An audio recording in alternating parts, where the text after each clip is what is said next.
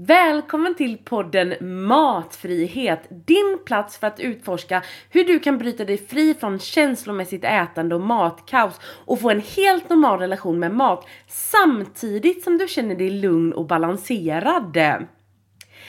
Jag som driver podden, jag heter My Westerdahl och jag är din guide genom dessa samtal som kommer att inspirera och stötta dig på vägen mot en hälsosam relation med mat och kropp. Glöm inte att besöka hemsidan matfri.se där det finns en mängd helt gratis resurser för dig som vill kickstarta din resa mot balans.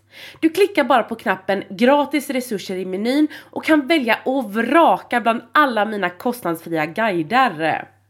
Och för dig som vill fördjupa dig ytterligare så har jag också skrivit en bok som heter exakt samma sak som podden. Boken heter Matfrihet och du kan lyssna på den via de flesta bokappar. Om du är som jag och gärna vill hålla i boken, stryka över insikter med pennor i härliga färger och kunna läsa om stycken som fastnar extra, då kan du köpa den billigast via förlaget People and Stories. Direktlänk hittar du både i avsnittsbeskrivningen och via min hemsida. Så tacka dig själv för att du är här och investera i din hälsa och i ditt mentala välbefinnande. Låt oss tillsammans skapa en värld där alla kan få ha en balanserad relation med mat och uppleva sann frihet i sina kroppar. Så, sätt på dig hörlurarna och låt oss börja dagens resa mot matfriheten.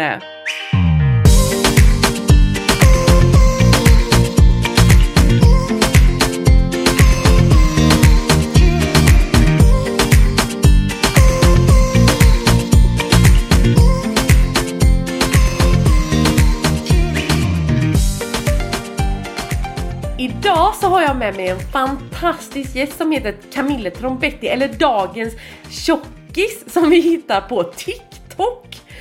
Jag är ju ingen kreatör på TikTok utan där är jag konsument. Jag älskar att scrolla och få mycket glädje och positiva vibbar därifrån och en dag dök dagens tjock snackis upp i mitt flöde. Det var en fantastisk tjej med de vackraste kläderna och den härligaste utstrålningen och jag blev såld direkt. Så jag bad henne vara med i min podd. För det är ju så himla häftigt det där. Hon har gjort en fantastisk resa både på insidan och utsidan. Hon gick upp väldigt mycket i vikt under bara ett år på grund av en medicin. Och det här förändrade ju hennes liv såklart ända in i sömmarna. Men istället för att gräva ner sig så bestämde hon sig att göra det bästa av situationen och sprida glädje, hitta sin nya klädstil och bara vara den fantastiska kreatör hon är. Jag vill också varna om att vi kommer prata om ätstörningar idag och det kan kännas triggande så vill du inte höra det så spola över den delen. Och känner du att du lider av en ätstörning själv så ska du absolut söka vård. Det finns massa bra vård att få. I detta avsnittet så kommer du få dagens tjockis bästa tips för att ta hand om dig själv, för att stråla som den fantastiska människan du är och att faktiskt övervinna allt det här som handlar om viktuppgång, att må bra ändå. Du kommer också få en rejäl energiboost och höra hela den här historien om hur det är att gå upp 50 kilo på ett år och ändå leva livet fullt ut. Så nu är det ingen idé att vänta längre. Välkommen hit dagens tjockis!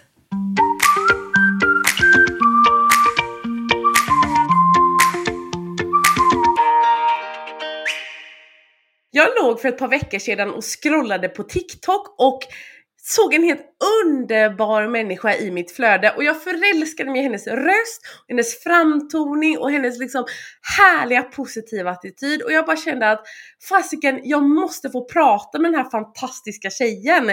Så att jag skickade iväg ett meddelande och nu är hon här! Dagens tjockis heter hon fast Millie då och välkommen hit Millie! Berätta, vem är du? Eh, jo, jag heter Mille då och jag driver TikTok-kontot Dagens Tjockis. Och jag skulle säga det som är med mig då är ju att jag gick upp mer än 50 kilo på ett år eh, på grund av medicinering.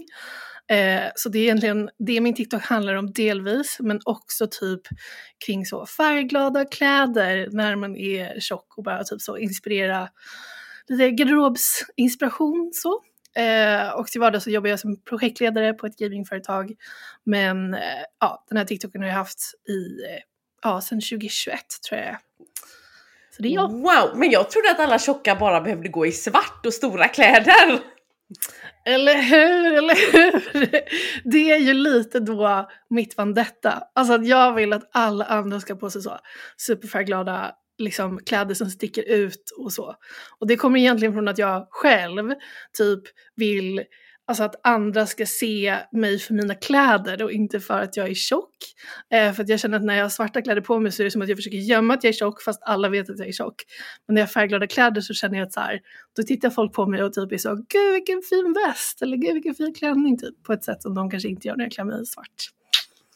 Jag håller helt med dig. I vanliga fall så är det som en regnbåge och krejs på mig. Inte ja. idag, inte ikväll, men i vanliga fall. Och det är därför man blir så glad av ditt flöde och inspirerad. Åh, tack. ja, alltså det är det som är poängen. Eh, liksom att det ska vara. Jag stod jättelänge mellan om jag skulle heta Dagens dopamin eller Dagens tjockis. För då var det precis typ så här när det här uttrycket dopamin dressing hade kommit typ. Eh, men så kände jag att så här, Mm, det är ändå roligare att göra någonting som är lite mer syftesdrivet bara än så toxic positivity typ. så då blev det dagens tjockis istället. Alltså man verk, märker verkligen att du är från Stockholm och jag är från Göteborg för att jag förstod typ hälften av vad du sa här. De här uttrycken, de använder vi inte i Göteborg kan jag tala om. jag ber om ursäkt, det är också så här för att engelska är mitt modersmål så jag blandar in jättemycket liksom, engelska uttryck men jag ska försöka tona ner det så det inte blir lika mycket. Också för att det låter lite töntigt när man håller på så. Alltså, och bara mm, oh my god. Nej det tycker jag inte, det är bara att jag känner mig som en bondlurk. Nej, det inte. Men alltså så här är det, jag tycker det är lite spännande för jag har ju varit tjock typ hela mitt liv, alltså från jag föddes i princip. Eh, förutom några år då när jag blev eh, alltså, nerbantad och, och till slut sjuk av bantningen. Men eh, så att resten av mitt liv har jag ju varit tjock. Men du har ju faktiskt varit smal och blev tjock under ja, väldigt snabbt under väldigt kort tid. Exakt. Och det är roligt för att alltså, jag växte ju upp som väldigt många andra och trodde att jag var tjock. alltså att det var liksom så, ja jag skulle gå på extra gympa och det var jätteviktigt, min mamma var idrottslärare så det var superviktigt att jag skulle hitta liksom min sport och sånt där. Eh, och alltså, jag, under uppväxten så är det så här, jag var liksom absolut inte den den smalaste i gänget så. Men jag var ju inte liksom överviktig på något sätt överhuvudtaget. Eh, så det var ju väldigt så här, spännande då liksom när jag gick upp i vikt också för då gick jag från att vara alltså mitt allra smalaste eh, till att vara alltså mitt allra tjockaste på liksom ett års tid och också då utan att eh, liksom egentligen ha förändrat någonting alltså särskilt i så här kost eller träning eller liksom så. Så det var ju en väldigt stor alltså, eh, kulturkrock egentligen i så här, vad man såg framför sig och vad man hade i sitt huvud och liksom ja, jättemycket konflikter så på det sättet. Men vad var det som hände lite mer, som alltså, du berättade om din resa så att säga? Eh, ja, alltså jag insjuknade, eh, ska vi se, eh, vad kan det ha varit, 2019. Eh, och då så eh, fick jag en eh, anti, eller ja, det var en liten resa med så här, eh, min sjukdom liksom och hitta rätt medicin och sånt som funkade.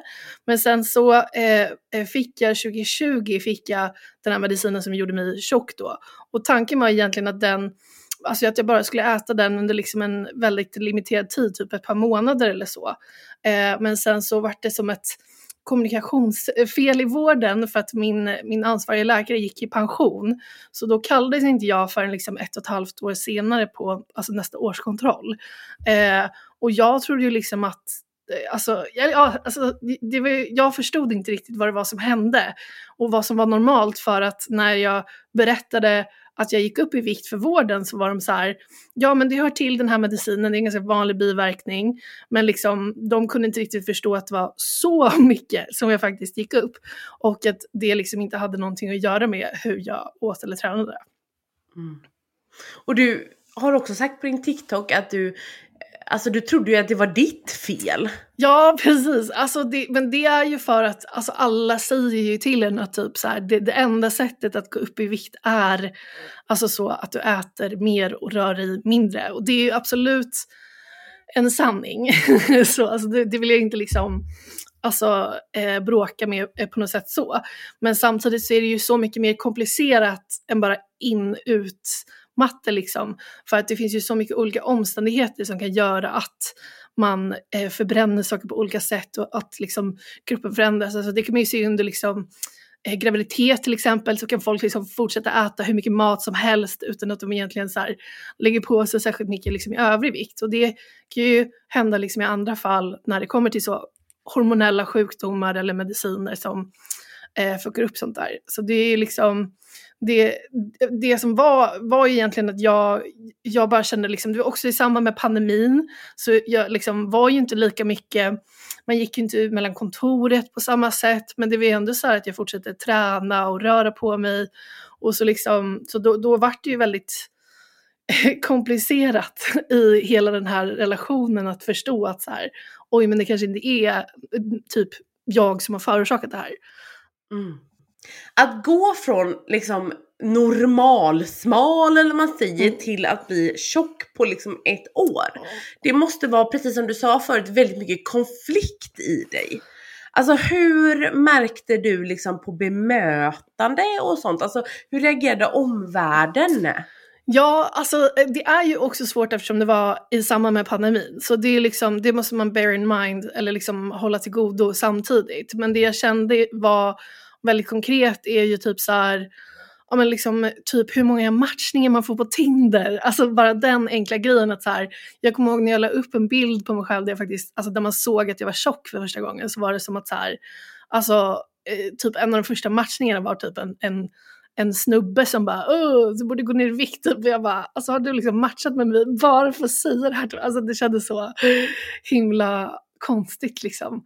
Eh, men, men, men det var ju mycket liksom, i, alltså jag känner att det är mycket typ så här, mycket kan vara i ens huvud tror jag absolut. Men, men jag tror också att mycket liksom sitter i små, små subtila grejer liksom. Alltså bara det i, alltså så här, att man inte kan gå till vilken klädaffär som helst och bara Åh, jag har tio minuter över, jag går in på H&M liksom, plockar upp ett par byxor typ. Alltså det kan man inte göra. liksom. Så det, det, är många sådana små grejer. Sen är det ju så här, jag har inte blivit utsatt för, alltså för någon så, vad ska man säga, aggressiv fettfobi så till vardags att någon typ har skrikit fett efter mig liksom. Men, men det är verkligen sådana små, små grejer som är liksom lite hos en själv men också typ hos andra. Alltså så. Eh, och en, en sån grej är också jättemycket typ så här, hur andra reagerar när jag liksom har berättat att så här, ja, men jag har gått upp så mycket vikt på grund av medicin. Att då blir folk typ så här, åh gud stackars, stackars, stackars dig. Som att det är liksom det absolut värsta som kan hända en människa typ är att bli tjock. Och det känner jag bara är så här, oh, det är, ja oh, nej usch. Det gillar jag inte. Nej men alltså det här är ju, alltså du pinpointar något så otroligt viktigt det här. Det här liksom att det absolut värsta som kan hända är att man går upp i vikt. För så fettfobiskt är ju samhället. Jag menar, jag kan komma på hundra grejer som är värre än att gå upp i vikt. Exempelvis sitta fast i en ätstörning resten av livet.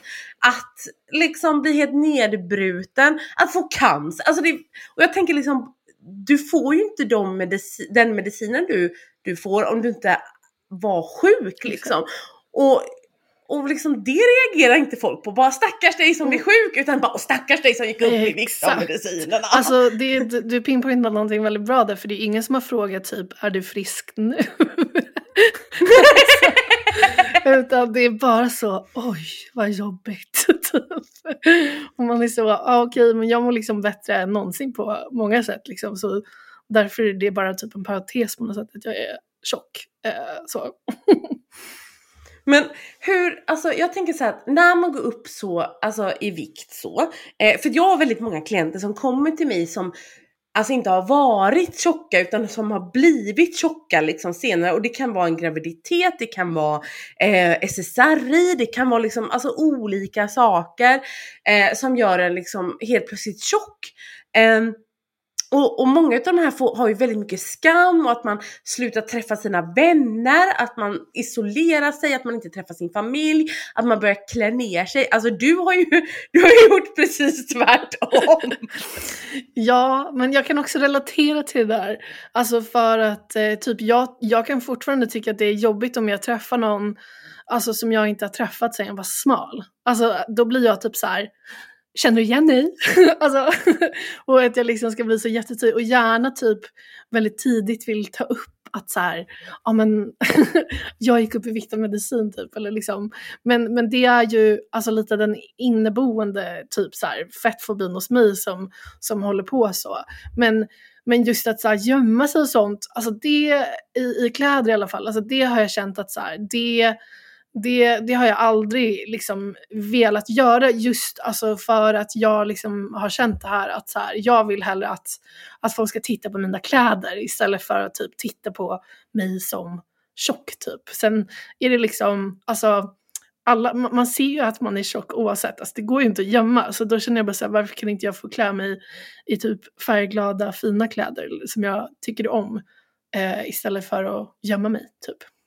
Ja men precis och jag, jag, tycker också att du säger den här viktiga grejen med liksom att folk kan reagera. Jag kommer ihåg när jag slutade med LCHF och gick upp i vikt så, så var det många som eh, i min närhet, eller många, men jag kommer ihåg speciellt någon, en släkting som bara på fyllan bara Hur kunde du sluta med det? Du som var så smal och fin liksom. Bara, jo men hur mådde jag då? Liksom. Mm. Alltså, det skiter man i för liksom det viktigaste är att man är smal till varje pris.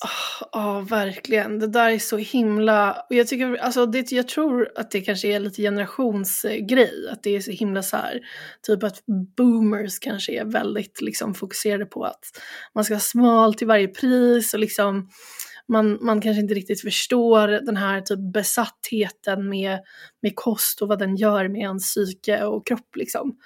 Eh, men alltså jag har ju absolut också haft släktingar, alltså typ som har kommenterat min kropp, alltså typ framförallt när jag gick ner i vikt och jag liksom blev väldigt eh, väldigt smal, alltså precis innan jag gick upp i vikt så var det ju många som var typ såhär Gud vad du är vältränad och bara så här muskliga armar har du aldrig haft och typ väldigt mycket så vad duktig du är som gör det här och det här och det här typ.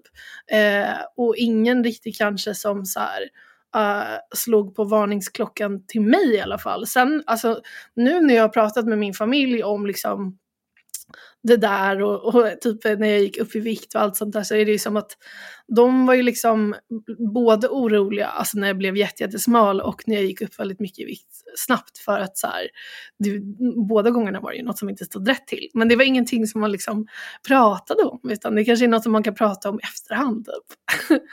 Eh, vilket mm. är, ja jag tycker det är så konstigt för att det är liksom, kanske om man hade alltså pratat mer om det när man är i det, att det hade varit liksom lättare att hantera det på något sätt eller ja, jag vet inte.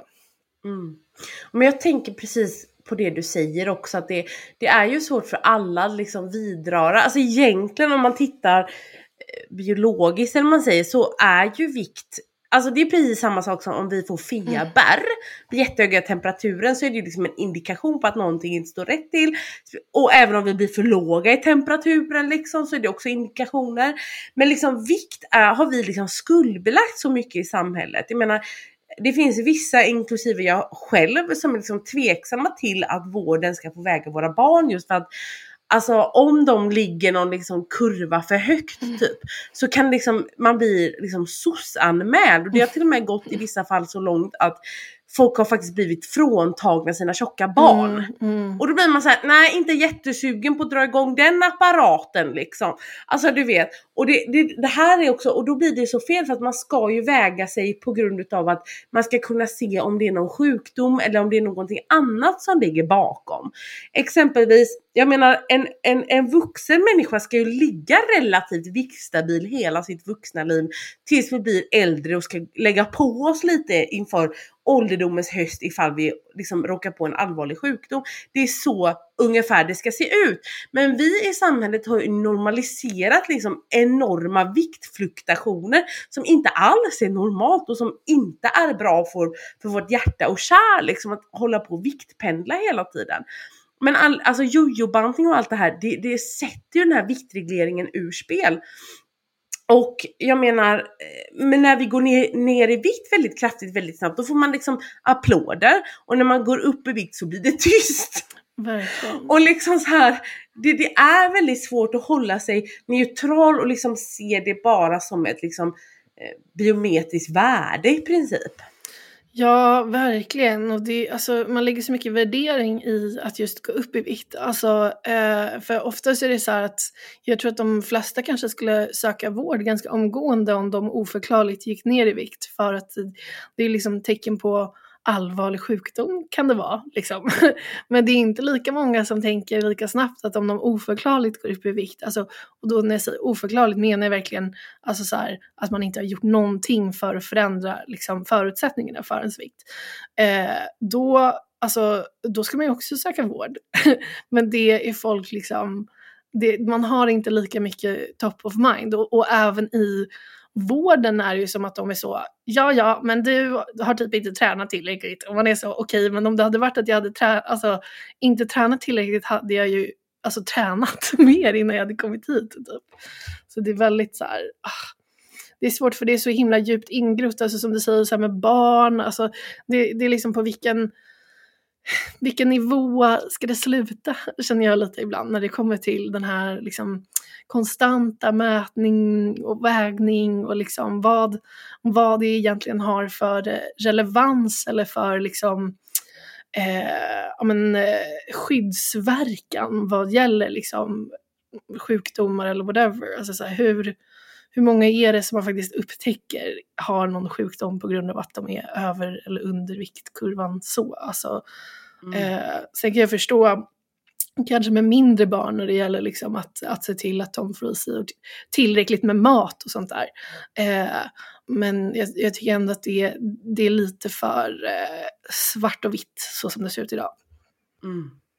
Ja men verkligen, för jag menar det är självklart att det kan vara en viktig siffra men liksom, då får man ju lägga det i någon slags hälsopussel för att se helheten. Exakt. Men du berättade att du också innan hade haft bulimi och anorexi. Berätta lite mer om det.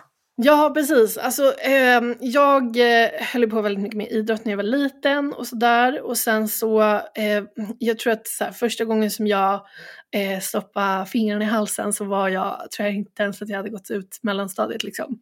Men eh, jag vart egentligen all, alltså inte ordentligt sjuk utan jag var mer typ så här kanske eh, ja, men så kräktes mycket på fyllan typ. Eh, och sen så när jag var i så kanske 20 22-årsåldern eller någonting så vart det liksom full-blown för då hade jag Eh, då hade jag gått upp i vikt av eh, p-piller som jag hade tagit. Eh, och så liksom när jag slutade med dem så gick jag ner, alltså ganska vad ska man säga, effortless utan att jag behövde göra någonting eh, ganska snabbt. Men då när jag gick från att vara liksom alltså lite större till att bli smalare så var det som att jag fick så mycket bekräftelse att det eldade liksom på det här alltså bulimimonstret som jag liksom hade i mig så kanske låg lite vilande. Eh, och då så ledde ju det till alltså, att jag eh, ville liksom få ännu mer bekräftelse typ. eh, så då åt jag ännu mindre mat, jag tränade ännu mer och verkligen typ rasade i vikt eh, och blev väldigt, väldigt smal. Eh, och det är ju liksom, alltså de eh, bilderna som, för de är ju egentligen så här, kanske de eh, nyaste också på min smalhet. Eh, för att det var liksom så smal som jag var när jag började medicineras för den här medicinen som gjorde mig tjock. Liksom. Eh, men, men jag har ju liksom gått i eh, eh KBTE för min ätstörning så nu känner jag mig liksom eh, fri, men jag är också lite av tron att, så här, att ätstörningar är alltså som typ eh, bipolär sjukdom, att det är liksom en, en, sjukdom som kommer i skov, alltså att du kan liksom, den kan ligga vilande under väldigt lång tid och sen så kan det triggas. Vilket liksom är varför jag tycker att det är extra viktigt att man avstår från att prata kring kost och typ kroppar och träning på vissa sätt för att så här, du kan aldrig veta om en person har en ätstörning eller inte liksom.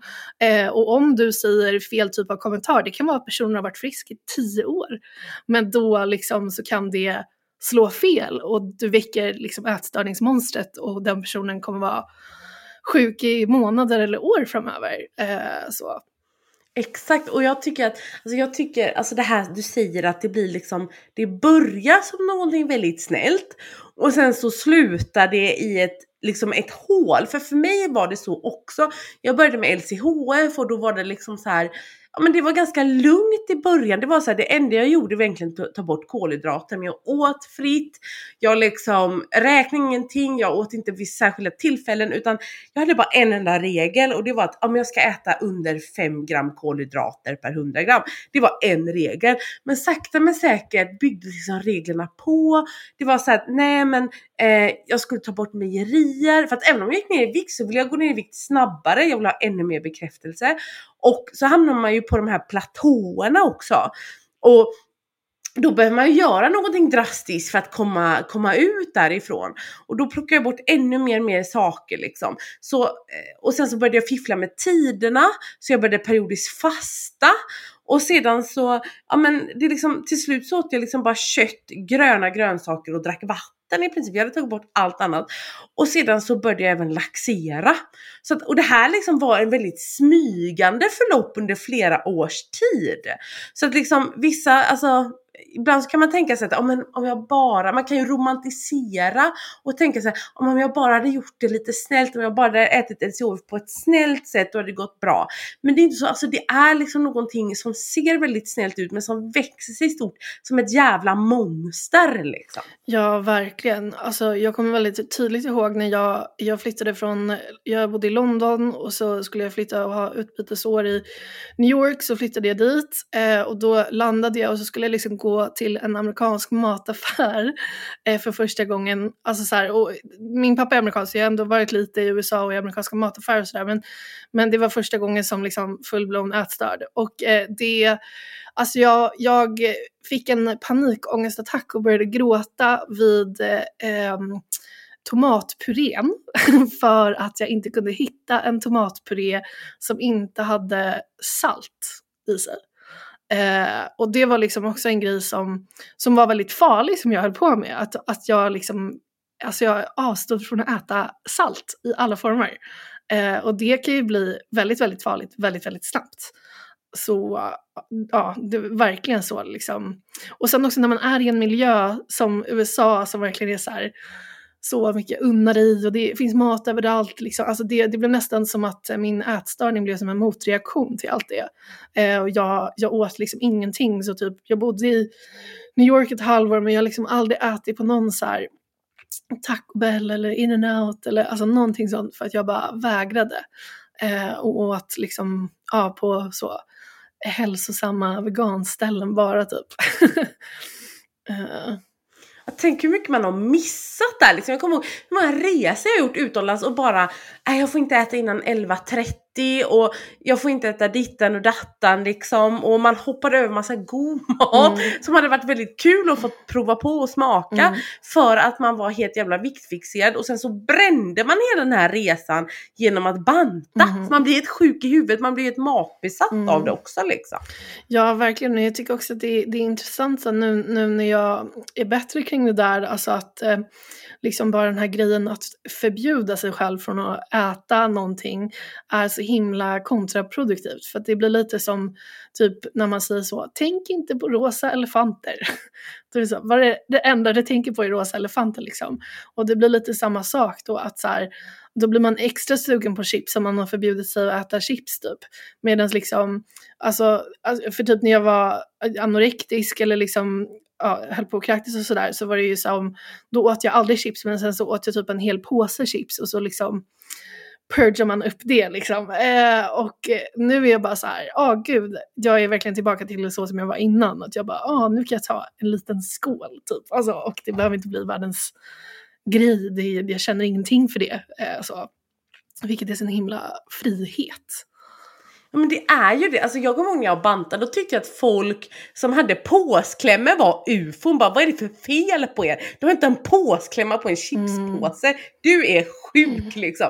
Men nu själv är jag en sån som bara har påsklämmor på alltihopa. Jag har en glasslåda, jag har en snackslåda, jag har en godislåda. Jag har massa sånt ute på rådet. Och det hinner ju bli gammalt för jag rör det liksom inte. Mm. Ja, alltså det är, ja, det är verkligen så här nu när jag liksom tänker på det så för att jag, jag har inte liksom varit en sån som kanske har eh, hetsätit särskilt mycket utan det har mer varit liksom att jag eh, ja, men har eh, alltså så, eh, purgat typ när jag har ätit liksom helt normala måltider. Men det är även liksom i sådana situationer som typ när Alltså, typ jag kommer ihåg att jag var på någon fest typ, där det fanns så chips. Då liksom, alltså väljer man i sig som att det inte fanns någon morgondag typ och sen så hade man jättemycket ångest över det. Och nu är det liksom, reflekterar inte jag alls över det. Eh, och det är så himla skönt liksom. Mm. Det är ju en stor frihet, man vinner tillbaka sitt liv. Och så inser man också hur mycket, alltså många trevliga situationer och stunder och semestrar och tillfällen som man har missat på grund av att man var liksom i matens grepp så sett. Mm, ja verkligen och liksom att hela ens eh, liv kretsar kring mat. Alltså det, det är ju liksom väldigt eh, så här, igenkänningsmässigt oavsett vilken sorts ätstörning man har. Att det liksom är väldigt närvarande i ens tanke konstant. Liksom. Och nu är det eh, ja, snarare tvärtom för mig. Att jag är så, oj just det, gud jag måste äta, vad ska jag äta? Alltså, alltså. Mm. Ja, och alltså, jag tycker att du sa något så bra också det här liksom att man ska akta sig för att alltså, matproblemen kan ju komma tillbaka. Och jag brukar säga det till mina klienter att alltså, kroppen är ju så här, den är ju Alltså när man har bantat den väldigt mycket genom åren så har man ju liksom ett brustet förtroende för att kroppens enda uppgift är ju att få oss att överleva och eh, den kodar ju liksom dieter som svält och svält för den är död. Alltså det är ju verkligen så här varning, varning. Um, och när man då börjar äta igen, vad ska man säga, man slutar banta och liksom hittar matfriheten, då eh, är det ju inte så att kroppen bara jaha, ja ja, utan den, det, alltså det är som att du är ihop med någon och så är personen otrogen mot dig. Det är klart att du inte bara, nej nej men det är lugnt, nu säger ju han att han ska vara trogen, då fortsätter vi som vanligt. Utan det tar ju lång tid att återuppbygga det förtroendet liksom. Och det är ju samma här. Och det måste man komma ihåg. Men så fort då man tar ett litet återfall, att man börjar banta, och så här, då är man ju tillbaka på noll igen. Alltså det kan, man får liksom vara medveten om också, eh, hela vår omgivning kommer ju verkligen försöka få få oss att börja banta igen. Mm. Alltså det är på TV, det är överallt och till och med vården säger ju att våra kroppar är fel liksom. Ja verkligen, jag menar eh, en av mina så grejer sen jag blev frisk är typ att jag har eh, accepterat att jag alltid kommer tycka att jag är tjock. eh, oavsett liksom hur jag ser ut. För att det har liksom varit en sanning för mig hela mitt liv. Alltså för att, alltså som jag sa så när jag var barn så var det ändå så här omgivningen typ sände till en att man var typ tjock eller att man behövde göra någonting för att typ komma bättre i form. Eh, liksom, trots att man höll på och tränade som en galning liksom. Och att det, det alltid har varit en sån yttre grej att liksom, ja men du måste bli smalare, du måste bli smalare. Och jag tror också att det är därför så här, det finns så himla många alltså smala som, som kan relatera till alltså så body positivity-rörelsen och liksom att hela den här eh, eh, grejen av som kan vara lite problematisk, liksom när smala tjejer kanske typ så eh, trycker ut magen och bara kolla vad tjock jag är och bara det här är jag när jag posar typ. Eh, för att liksom alla kan ju relatera till den känslan av att liksom vara tjock men skillnaden är ju liksom att man som smal inte behöver utstå de här yttre liksom, faktorerna som det är gällande liksom, diskriminering och eh, bara det att man inte kan liksom, gå till en butik och hitta kläder eller liksom, sådana saker. Mm. Ja men verkligen. Och det kan man liksom inte förstå. Alltså självklart så har vi ju alla problem mer eller mindre, inte alla, men de flesta har väl något problem liksom med sitt yttre, att man inte är nöjd och man vill gärna förändra och att man känner att man inte tillhör idealet, för det gör ju knappt ingen. Till och med de människorna som är liksom den liksom promillen som är snyggast blir retuscherade på bild. Så det, det går inte att att vara perfekt idag. Det finns ingen som är nöjd i princip. Så att det, med det kan man ju relatera till, men som tjock ligger det liksom ytterligare en nivå på det. Precis som du säger, man blir exkluderad i, det går inte att bara svänga förbi H&M och köpa någonting. Du ses som en sjukdom, folk pratar illa om dig. Jag kommer ihåg typ att jag la upp en bild på mig själv eh, i mitt Instagram-flöde. Eh, där det stod så här, liksom, jag hade tagit några vackra bilder på mig själv och, och lagt upp och sa så här att ja men tjock är inte lika med ful. Och då var det genast folk som kom in och bara ja fast det handlar inte om utseende men det är ohälsosamt. Mm. Och jag menar, det är så sjukt det här liksom att man blir aldrig fredad någonstans. Man får liksom inte vara, alltså man får liksom inte vad som är vanlig människa utan att någon ska komma och påpeka att du är åtminstone, alltså du är sjuk, alltså sätt dig ner i båten. Man har inte rätt att känna sig vacker, rolig, vad som helst utan det är så här, tjock är lika med sjuk och det ska påminnas hela tiden. Ja, och jag tror att det är oerhört liksom, kostsamt för samhället i längden att man har den inställningen för att om man skulle ha liksom, ett mer helhetsgrepp kring hälsa liksom och att det inte bara är att man tittar på vikten så, så tror jag absolut att alltså, om man skulle göra någon slags liksom, kostnadsjämförelse kanske, liksom, för det finns ju väldigt många friska tjocka personer. Men problemet är ju att när vi lever i ett samhälle som liksom konstant säger åt dem att de är sjuka så kan ju det leda till psykisk sjukdom och ätstörningar och sånt som vi har pratat om liksom. Inte bara hos de tjocka utan även hos andra också för att då blir det liksom en så stor rädsla. Och det, det, jag tycker att det, det, är liksom intressant att leka med den tanken att så här, vad, vad är det egentligen som är effektivast och liksom bäst för samhället och minst kostsamt och minst, belastar vården minst och, och allt sånt där. För att jag menar, man ser ju det nu att så här, ja absolut att typ så här fetmaantalen bland barn och unga går upp men eh, antalet patienter på, i ätstörningsvården går också upp liksom. Eh, och att bara försöka attackera båda de två på något sätt för att det är ju liksom de föder varandra, eh, tror jag i alla fall. Eh, så så det, det skulle vara spännande bara att, att göra något slags helhetsgrepp på det där med liksom att, att se bortom eh, vikten som enda hälsomätning liksom, mätning, så som det är idag på väldigt många sätt. Mm. Ja men verkligen. Och också det här att liksom tjock inte är liksom någon synonym till varken ful eller ohälsa. Alltså ofta när man skriver typ någonting bara, ja men eh, så är det så många som liksom tror att man menar att tjock är lika med ful. Alltså det är så enkelt att man får kommentaren, ja men du är vacker som du är. Men jag har inte sagt att jag är ful, jag har sagt att jag är tjock. Det är liksom inte samma sak. Och tjock är inte heller en känsla. Det är liksom någonting du beskriver. Alltså människor använder ju fortfarande tjock som ett synonymt till att må dåligt. Idag känner jag mig tjock.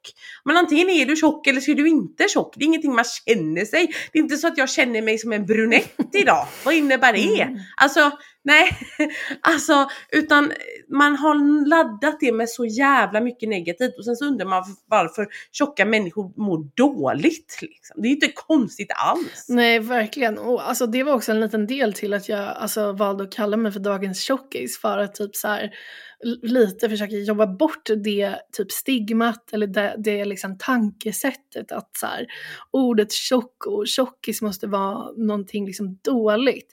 För att alltså som du säger så är liksom tjock för mig det, det är något objektivt. Alltså det är liksom, det kan man bestämma att alla ska ha samma bild av. Men sen så är det ju inte riktigt så i verkligheten utan som du säger så här, för många är, det en känsla eller liksom att eh, man har olika uppfattningar om vad som är tjock och sådär men, men, men för mig så är det ganska liksom objektivt. Och sen också med, med, med tjockis är, tycker jag är typ så här, alltså för att jag, jag vet inte, typ, i min familj så har vi liksom använt det så här för typ mina syskonbarn när de har varit bebisar så är man typ så åh din gulliga tjockis liksom och det är inget så här Alltså man lägger ingen värdering i det typ.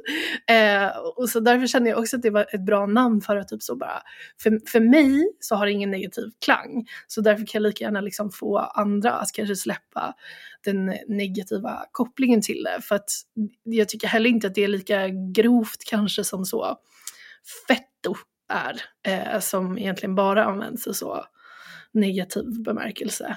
Eh, Ja men alltså det är som min normsmala man brukar säga att den här familjen är tjock en komplimang. ja men det är lustigt också för att typ så här, det var väl en komplimang. Alltså för jag tänker om man tittar på så här i historien, alltså egentligen att det, det, det är ju typ kanske efterkrigstiden som det först har blivit liksom, alltså med globaliseringen och att det är fri tillgång på liksom allting som har gjort att det, det, det, det är lite så frosseri är fult liksom på ett sätt som det kanske inte riktigt var på samma sätt förut typ. Eh, och att liksom, ja det har bara blivit värre och värre och värre. För att jag menar så här, typ på 1700-talet då var det ju liksom wow typ. man var tjock för att då var man typ rik och hade råd att vara tjock. ja men verkligen! Och alltså jag tänker också så här att du är ju så otroligt vacker så jag måste ju passa på att fråga dig så här, alltså vilka är, alltså du som tjock, vad är det bästa du kan göra för liksom, alltså hur, vad är dina bästa skönhetstips så att säga till alla som, som kanske är liksom lite, ja men nya i sin nya kropp och så? Oj, vilken bra fråga. Tack till att börja med. Jag blir så alldeles eh, rosig.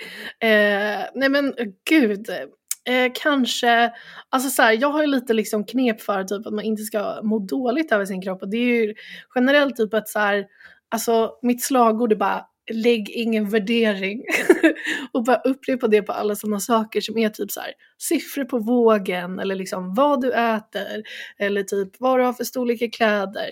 Alltså så, så om det är så att man typ kanske har gått upp väldigt mycket i vikt, att man, att man liksom inte se det som någon slags eh, svek att man måste liksom beställa storlek 50 eh, eller något, utan att man verkligen är så här ah, ja, okej, okay, de här passar inte mig, jag tar nästa då. Alltså så. Eh, och en grej som man också kan göra som, som jag inte har testat, men liksom om det är så att man har en normkropp och kan handla i butiker, att så här, alltid när du går in i provrummet, för provrummet kan ju vara en ganska ångestfylld plats för många, är att du alltid tar med dig alltså en storlek större än vad du tror att du ska ha. Och så eh, börjar du med dem. Och sitter de perfekt, då är det ju jättebra, då kan du köpa dem. Men eh, om, de inte, om de är för stora, då kan du ju bara testa dem som du trodde att du skulle ha från början. Liksom.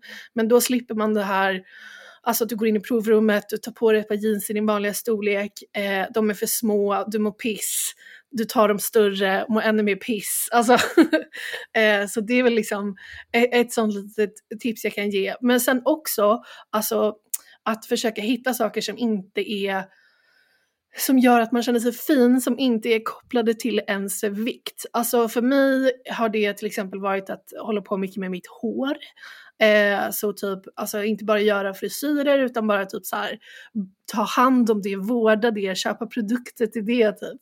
Eh, men också eh, om jag känner att jag har råd med det, att fixa naglarna.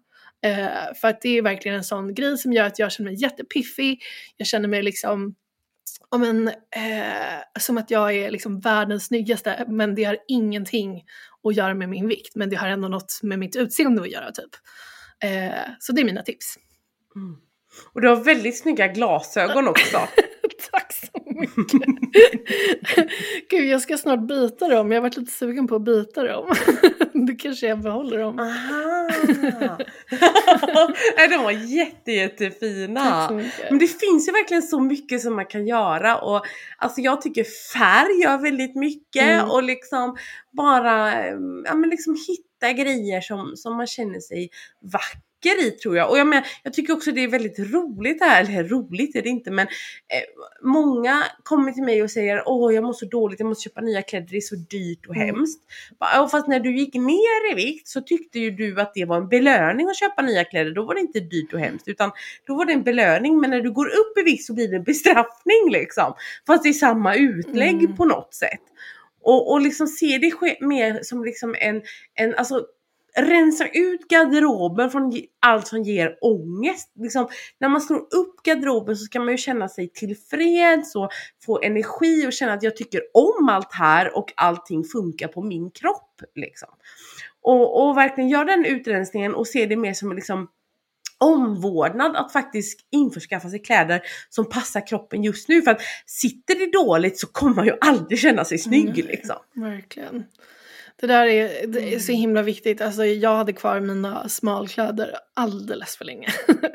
eh, och det var sån eh, befrielse liksom att eh, rensa ut allt det och bara känna liksom aldrig mer. Sen behöll jag vissa av dem, alltså så här, inte för att jag någonsin tror att jag kommer kunna få i mig något i storlek 34 igen, utan snarare för att liksom de, de har liksom ett affektivt värde. Att jag bara, åh jag hade på mig den här när, alltså så. Eh, men ja. men de, de ligger inte i min garderob, de ligger liksom i källaren där jag inte ser dem. Så att det liksom är, det är bara kläder jag gillar i garderoben. Mm. Ja men det är otroligt viktigt. Att man känner sig välkommen. Det gäller också resten ens hem också. Att man, att man omger sig med saker som ger en positiv, positiva vibes helt enkelt. Mm.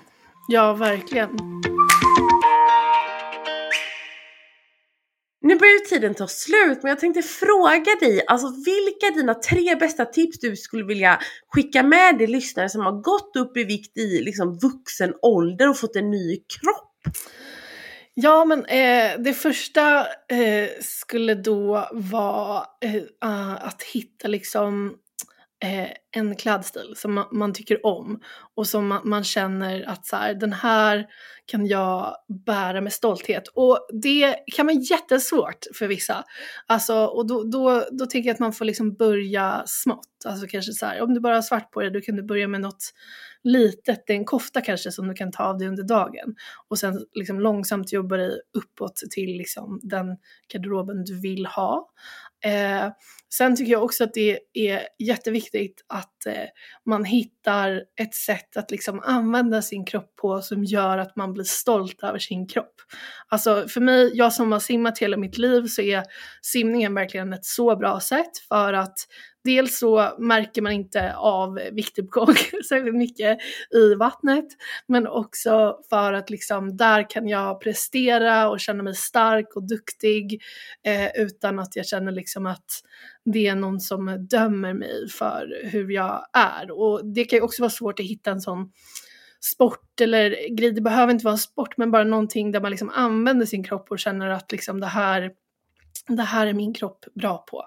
Eh, och sen ett tredje tips skulle väl kunna vara eh, att stå på dig kring andras kommentarer, våga skapa lite obekväm stämning och liksom, eh, men gör det med glimten i ögat. Typ. Eh, och kom ihåg att liksom, det är din, din kropp och ditt välmående som är viktigast. Så att om någon säger någonting dumt så ska de liksom få skäll. Så. Då åker de på moppo helt enkelt. Exakt, exakt. oh, men tack snälla kära du att du kom hit och pratade med oss. Det har varit fantastiskt. Och det här och glöm inte följa på TikTok helt enkelt. Om ni är moderna som har TikTok. Då hittar man ju dig under dagens tjockis och vår massa inspiration och ja, men lite extra glädje i vardagen får jag säga. Ja, tack så jättemycket för att jag fick komma. Ha det gott allihopa, hejdå! hejdå. Tack så mycket att du lyssnade på dagens avsnitt av Matfrihet. Jag hoppas att du har fått värdefulla insikter och inspiration för din egen resa mot en hälsosam och balanserad relation med mat och kropp. Och kom ihåg att om du vill ha ännu mer matfrihetsinnehåll och få tillgång till gratis resurser, recept och andra verktyg, besök min hemsida matfri.se. För att hålla kontakten och inte missa några framtida avsnitt, prenumerera gärna på podden i din favoritpodcast-app. Och för att följa min vardag och få dagliga tips och inspiration, följ mig på sociala medier under namnet myvesterdal.se. För de senaste uppdateringarna om podden, följ podden på Instagram under kontot podden matfrihet. Och du, Tack igen för att du lyssnar. Tacka dig själv att du investerar i dig själv med den här tiden. För kom ihåg, din relation med maten och din kropp är viktig och du är inte ensam på den här resan. Ta hand om dig så hörs vi snart igen.